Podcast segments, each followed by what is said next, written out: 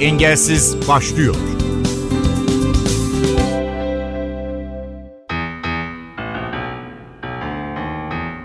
Merhaba ben Ayhan Aktaş. Tekerlekli sandalye basketbolunda erkek milli takımının ve Galatasaray'ın yıllardır formasını terleten sporcu Fikri Gündoğdu bu hafta stüdyo konuğumuz. Başarılarla dolu sportif kariyeri ve yaşam hikayesine dair sorduğumuz soruları yanıtladı. 15.06.1985 Ordu doğumluyum. 17 yaşıma kadar ben aslında basketbolun B'sini sevmeldim. Yani Hı-hı. sen şimdi öyle bir giriş yaptın ki bunu söyleyeyim dedim. Ben 17 yaşıma kadar normal yürüyordum ve futbol manyağıydım her genç çocuk gibi. Ve yani başarılı da bir oyuncuydum. Okul takımlarında, kendi kulüp takımlarımda kendimden yaşlı ben e, hem yıldızlar hem B yıldızlar, yıldızlar, amatörler, amatör Hı-hı. liginde aynı anda hepsine çıkardım yani yaşımın küçük olmasına rağmen. Ama tabii 2001'de geçirdiğim bir kaza sonucu engelli kaldıktan sonra basketbola başlamak zorunda kaldım. Ben hep şey derim, yatay geçiş yaptım derim. Futboldan basketbola yatay geçiş yaptım derim. Aslında hiç istemeyerek başladığım bir branşta, bir spor dalında Hı-hı. Arkaya dönüp arkama baktığımda başarılı bir kariyer yaptım.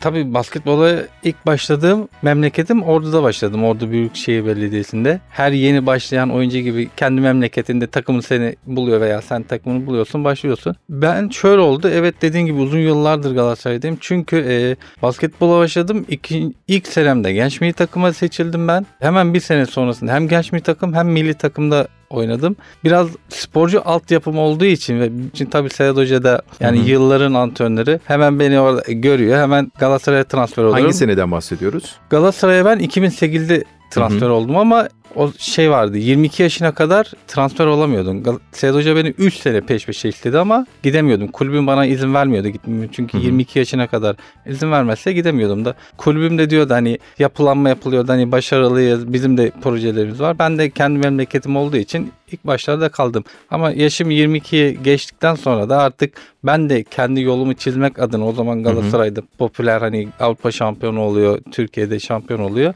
Tabii ben de her başarılı bir sporcu gibi ben de transfer oldum. Biraz gecikmeli gittim ben Galatasaray'a ama dediğin gibi 2008'den beri yaklaşık 15 senedir Galatasaray'dayım. Hiç ayrılmayı düşünmedim. Çünkü başarılı bir takım. Buradan Hı-hı. daha başarısı benim gözümde yoktur. Yurt dışı transfer şeylerimiz oldu. Oraya da ben gitmek istemedim. Biz Galatasaray'la derece yaptıkça, Galatasaray'la Şampiyonlar Ligi'ni aldıkça, Galatasaray'la kıtalar arasını aldıkça tabii gözün önünde oluyorsun ve transfer hı teklifleri gel- geliyordu. E bize de çok geldi zamanda ama bil dediğin gibi hem Galatasaray'ı bırakmak istemedim hem de kendi ülkemi bırakmak istemedim. Ve çalışabileceğim en iyi antrenörle çalıştığımı düşündüğüm için de uzun yıllardır Galatasaray'dayım. Ben hep şey derim. Galatasaray'dan önce tekelik sandalye branşı, Galatasaray'dan sonra branş. Çünkü Bizim Galatasaray kulübü olarak kuruluş amacımız bir kere Türk olmayan takımları yenmekti. Evet Galatasaray kurulmadan önce ligler vardı ama sadece Türkiye şampiyonu oluyordu. Ama Galatasaray için içine girdikten sonra ilk önce kıtalar arası alındı. Yani bu evet. ne demek? Dünya Kupası kulüpler bazında. Şampiyonlar Ligi alındı. Bu ne demek? Yani Avrupa'nın bütün şampiyonları yenerek şampiyon olmuş. İsmimizi duyura duyura böyle e, basın da yer verdi. Çünkü hani yaşamamış. Hı hı. Baktığınızda kulüp bazında ilk kıtalar arası kupayı aldık yani dünya çapında. Avrupa'ya geçtim dünya çapında.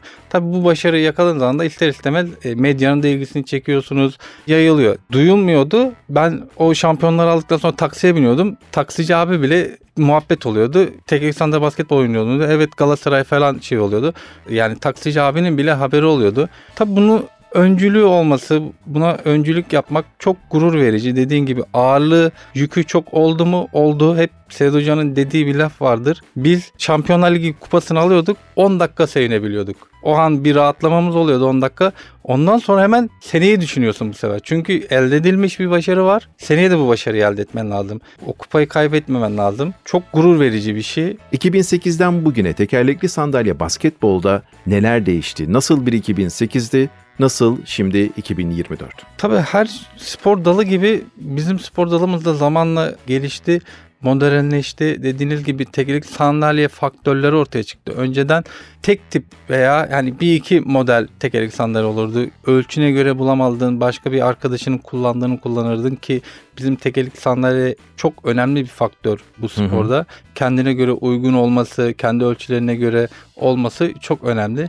Bunlar tabii biz bu başarıları elde ettikçe ve duyuldukça bu sefer ne oldu? Sponsorlar devreye girmeye başladı aldı olsa. Sponsorlar girdi ne oldu? Kendimize göre daha uygun sandalyeler yaptırıp daha iyi performans sağlamaya başladık. Hı hı. Daha kendi yeteneklerimizi ortaya koymaya başladık. Sporcu gelişmeye başladı. Altyapılara çok önem verildi duyulduğu için evde kalan engeller bir anda dışarıya çıkmaya başladı ki bu sporu yapmaya başladı. Bu da altyapıyı geliştirdi. Böyle zincirleme bir şekilde hı hı. hem biz geliştik hem altyapılarımızı geliştirmeye çalıştık hem de bu sporu geliştirmeye çalıştık. Ben bu spora ilk başladığımda benim bir tane sokak sandalyem vardı nasıl söyleyeyim yemek masam mı? Yemek masası da vardı. Ben onunla antrenman yapıyordum ve ben onunla slalom yapıyordum. Hani sandalyeyi sürmek çok zor. Bir de ben onunla slalom yapıyordum yani. Yani biraz tanımlayalım böyle sandalye ve hani sınav tabii, tabii. alanlarında önümüze bir tane tabii, tabii. masam, e, yemek kağıdı masam koymak vardı. için evet, bir şey vardı. Onu sen tabii. yemek masası olarak kullandığın bir şey. Hatta şöyle söyleyeyim onunla ben antrenmanlara çıkardım. Evet. Maça gittiğimizde bizim e, o zaman tabii imkanlar çok Hı-hı. yani Hı-hı. kötüydü diyeyim. Ordu takımıyla maça giderdik. Bizim 3 tane spor sandalyemiz vardı. Maça çıkabilecek standartlarda. Diğer antrenmanlarda yaptığımız herkesin kendi sandalyesi. Sokakta Hı-hı. kullandığı sandalye. Biz mesela atıyorum Samsun'a deplasmana giderdik. Şimdi ilk beşleri olur ya. Onlar ilk beşini o sahaya çıkarırlardı. Bir de kenarda 6 kişi olurdu. 7 kişi olurdu. Onların da sandalyesi olurdu. Onların da haricinde işte altyapıda olanlar maça çıkmayanların sandalyesini alıp biz maça o şekilde çıkardık. Onlar bize verirdi. O şekilde çıkardık biz maça. Peki bugünümüz üzerinden konuşursak bu tekerlekli sandalye basketbol için kullanılan tekerlekli sandalye basketbolu nasıl tanımlayalım? Biraz çünkü tekerlekleri yana birazcık daha eğimli, bildiğimiz sokakta herkesin gördüğü tekerlekli sandalyelerden çok farklı. Bunun amacı nedir? Bir kere şunu söyleyeyim. Tekerlekli sandalyemiz bizim kendi nasıl bir basketbolcu kendine göre ayakkabı yapıyorsa bizim sandalyemizde öyle olması lazım. Çünkü e, bizim engel durumumuza göre, fizik durumumuza göre, puanımıza göre ayrılması lazım. O dediğin gibi açıların olmasının sebebi manevrasının iyi olması Hı-hı. ve çok hareketli bir spor olduğu için keskin dönüşler yaptığımızda düşmememiz için. Tabii yine düşüyoruz ama hani onu minimuma indirmek ve ne kadar kendi ölçüme uygun bir sandalye olursa benim performansım o kadar çok artar ve basketbol o kadar gelişir. Önceden mesela yurt dışında olurdu sadece. Almaya Hı-hı. kalksak bile kendi ölçülerimizi yani bir nebze verebiliyorduk. Kontrol amacı olmuyordu. Çünkü o yapılıyordu, geliyordu. Olduysa biniyorduk. Ama şimdi ülkemizde de yapılıyor elmalı. Ne yapıyoruz? Buradan fabrikasına gidip tamamen kendimize mesela bir ölçü veriyorsun. Hı hı. O an mesela 30 santim olabilir ama oturduğun zaman değişmesi gerekiyor. Anında müdahale edebiliyorsun. Bunun da çok etkisi oldu. Takımda lakabın var mı Fikri? Ya düşünüyorum da yok herhalde ya. Bak ben şu an hiç ilk defa böyle bir şey oldu. Yoktur herhalde ya. Ya da benim bilmediğim varsa ya da şu anda aklıma gelmediğim aslında yok. Yok diye biliyorum en azından. Fiko ha, diye tamam çağırmaz. buldum. Fındık derler doğru. E, ordulu olduğum için e, Ferit abi olsun işte Cem arkadaşım Özgür abi falan hep fındık kafa derler genelde. Ailem hiçbir zaman bana engel olmadı. Aksine bu spora başlatan benim annemdir. Ben hani bu spora başla, başlamak istemiyordum ama annem hani bir şekilde beni spor salonuna götürürken ben sandalyemi tutuyordum gitmemek için. Sokakta kavga ediyorduk annemle gitmek istemiyorum diye. Ama bir şekilde gittik oraya. İyi ki de götürmüş buradan annemin ellerinden öperim. Annem hiçbir zaman korkmadı. Çünkü hani hayata atılmamı istedi. Hep arkamda durdu. Ben de korkmadım. Neden? Çünkü hayat düşe kalka büyüyeceğiz yani ne kadar kendimizi savunabileceğiz şey yapacağız. Tabi Allah korudu hiç ciddi sakatlığım olmadı ama hani artık düşe düşe düşe kalka düşe kalka düşmeyi de öğrendik biz. Nasıl düşeceğimizi de artık düşerken nasıl pozisyon alacağımızı da biliyoruz. O yüzden hiçbir korkum olmadı düşmekle alakalı. Takımın itman temposu nedir? Nasıl çalışıyorsunuz? Milli takım seviyesinde e, kamplarımız oluyor. Günde çift antrenman 2 saat 2 saatten 4 saat oluyor ve çok aşırı performans göster yani sergiledi, sergilenen bir spor zaten bu. Aşırı enerji hı hı, sarf hı. ediyoruz. Çünkü sürekli e, kollarımızı kullanıyoruz. Top sürer, sürüyoruz kollarımızla, sandalye sürüyorsun kollarınla. Yani sürekli kolların çalışıyor. Tabii bu da yoruyor ama sürekli yaptığın için bir kondisyona sahip oluyorsun. Kendi takımımda Galatasaray'da bu daha yani tek antrenman oluyor ama en az bir saat şutumuz oluyor. iki saat takım antrenmanı sonra tekrar şut, fitness çalışmaları. Tabii bu çalışa çalışa e, ben yaklaşık 20 senedir 20 seneyi belki de geçti şu an hesaplayamadım. Yani sürekli yaptığımız için kondisyonumuz yerinde oluyor. Ama tabii Hı zorlanıyor muyuz? Evet zorlanıyoruz ama yani zevk alıyoruz. Zevk yaparak yaptığımız için de bunu fazla düşünmüyoruz. NTV Radyo'da Engelsiz'de tekerlekli sandalye basketbolunun hem Galatasaray'da hem de milli takımda formasını terleten Fikri Gündoğdu'yla birlikteliğimiz devam ediyor. Seni paralimpik bir sporcu yapan durum neydi ya da nedir? 17 yaşında engelli kaldım ben. Kuzenimle oynarken hani yaramaz bir çocuktuk. Hatta bizi ikimizi yan yana getirmemeye çok uğraşıldı annelerimiz, amcalarımız, büyüklerimiz. İkimiz bir araya geldiğimizde mutlaka bir sorun olurdu. En son da bu oldu. İkimiz bir araya geldik. Halamların bir bakkalı vardı. Bakkal deposunda ben top oynarken o zamanlar futbolu çok sevdiğimi söylemiştim. Orada bakkalda topu görmüştüm. Depoda topla oynarken bir de büyük kuzenimiz de ava gitmiş. Orada silah vardı tüfek vardı. Ben topla oynarken kuzenim de silahı görüyor. O an hani silah alıyor işte seni vurayım vurayım diyor şakasına. Ya, tamamen şaka tabii bu. Yani diyorum ya yaramazlık kan işte akıyor. O an hani tetiği çekiyor artık o oralar pek şey olmadı. Yok yani bildi. Vuruluyorum. Ondan sonra benim hastane süreçlerim başlıyor. Engelli kalıyorum tabii. 3 ay bir orada Hı hı, hı. tedavi görüyorum. Sonra 3 ay Ankara'da fizik tedavi görürken orada benden daha önce engelli kalan bir arkadaş sayesinde böyle bir basketbol olduğunu öğreniyorum. Ama hiç ilgilenmiyorum o zaman. Çünkü dediğim gibi basketbolu hiç sevmiyorum. Bir de yeni engelli olmuşum. Şeyimde değil, umurumda değil. Başka şeyler düşünüyorum. Ondan sonra Ordu'ya dönerken, şimdi bizim Ordu'ya giriş yer vardır. Rıhtım dediğimiz tam deniz hani Karadeniz Hı hı. denize yaklaştığımız yer. Oraya gelirken ben anneme şu soruyu sordum. Ben dedim şimdi ne yapacağım? Nasıl dedi? Ben dedim sudan çıkmış balık gibi yani çırpınacağım. Ben hani engelli kaldım. Ben ne yapabileceğim? Hani okula gidiyorum. Ben okula gidebilecek miyim? Ben futbol oynuyordum. Futbol oynayabilecek miyim? Ben hayatımı nasıl sürdüreceğim? O an aslında hayata nasıl atılabileceğimi düşünmeye başladım. Ondan sonra ben tekrar okuluma başladım. Okuluma gidip gelirken hemen benim evimin yanında dernek varmış. Ben tabii görmedim. Ben gidip gelirken tabii beni görüyorlar. Annem de o gün bakkala gidiyor. Bakkala giderken hemen o dernek yöneticileri annemi durduruyorlar. Hı hı. İşte senin böyle böyle bir oğlum var. Bizim basketbol takımımız var. Eğer o da isterse onun takımımızı alırız diye. Tabii annem bunu bana söylüyor. Ben diyorum kesinlikle gitmem. Çünkü basketbolu sevmiyorum. Bir de engel görmemişim. Ben yanım benden başka kimseyi görmemişim. Kesinlikle gitmem diyor. Tamam diyor annem. Tabii onlar aralarında şey yapıyor işte şu saatte antrenman var diye anlaşıyor. Annem diyor ki Kadir hazırlan dışarı çıkacağız diyor. Pardon Kadir dedim benim e, göbek adım Kadir'dir annem Kadir der. Gidiyoruz yola doğru artık bir şey sapak var. Sol taraftan gidersek şeye gidiyor e, kapalı spor salonuna gidiyor. Hı. Sağ taraftan gidersek çarşının merkezi merkeze gidiyor. Biz sol tarafa saptık. Ben o an anladım. Anne dedim biz nereye gidiyoruz? Ya gidiyoruz işte bekle dedi. Ben hemen tekerleri tuttum sandalyeye. Ben dedim gitmek istemiyorum. Sen beni dedim spor salonuna götürüyorsun. Ben gitmek istemiyorum. Ya git eğer beğenmezsen geri döneriz. Ben nasıl ağlıyorum ama. Sokaktayız yani. Sokakta herkes de bize bakıyor.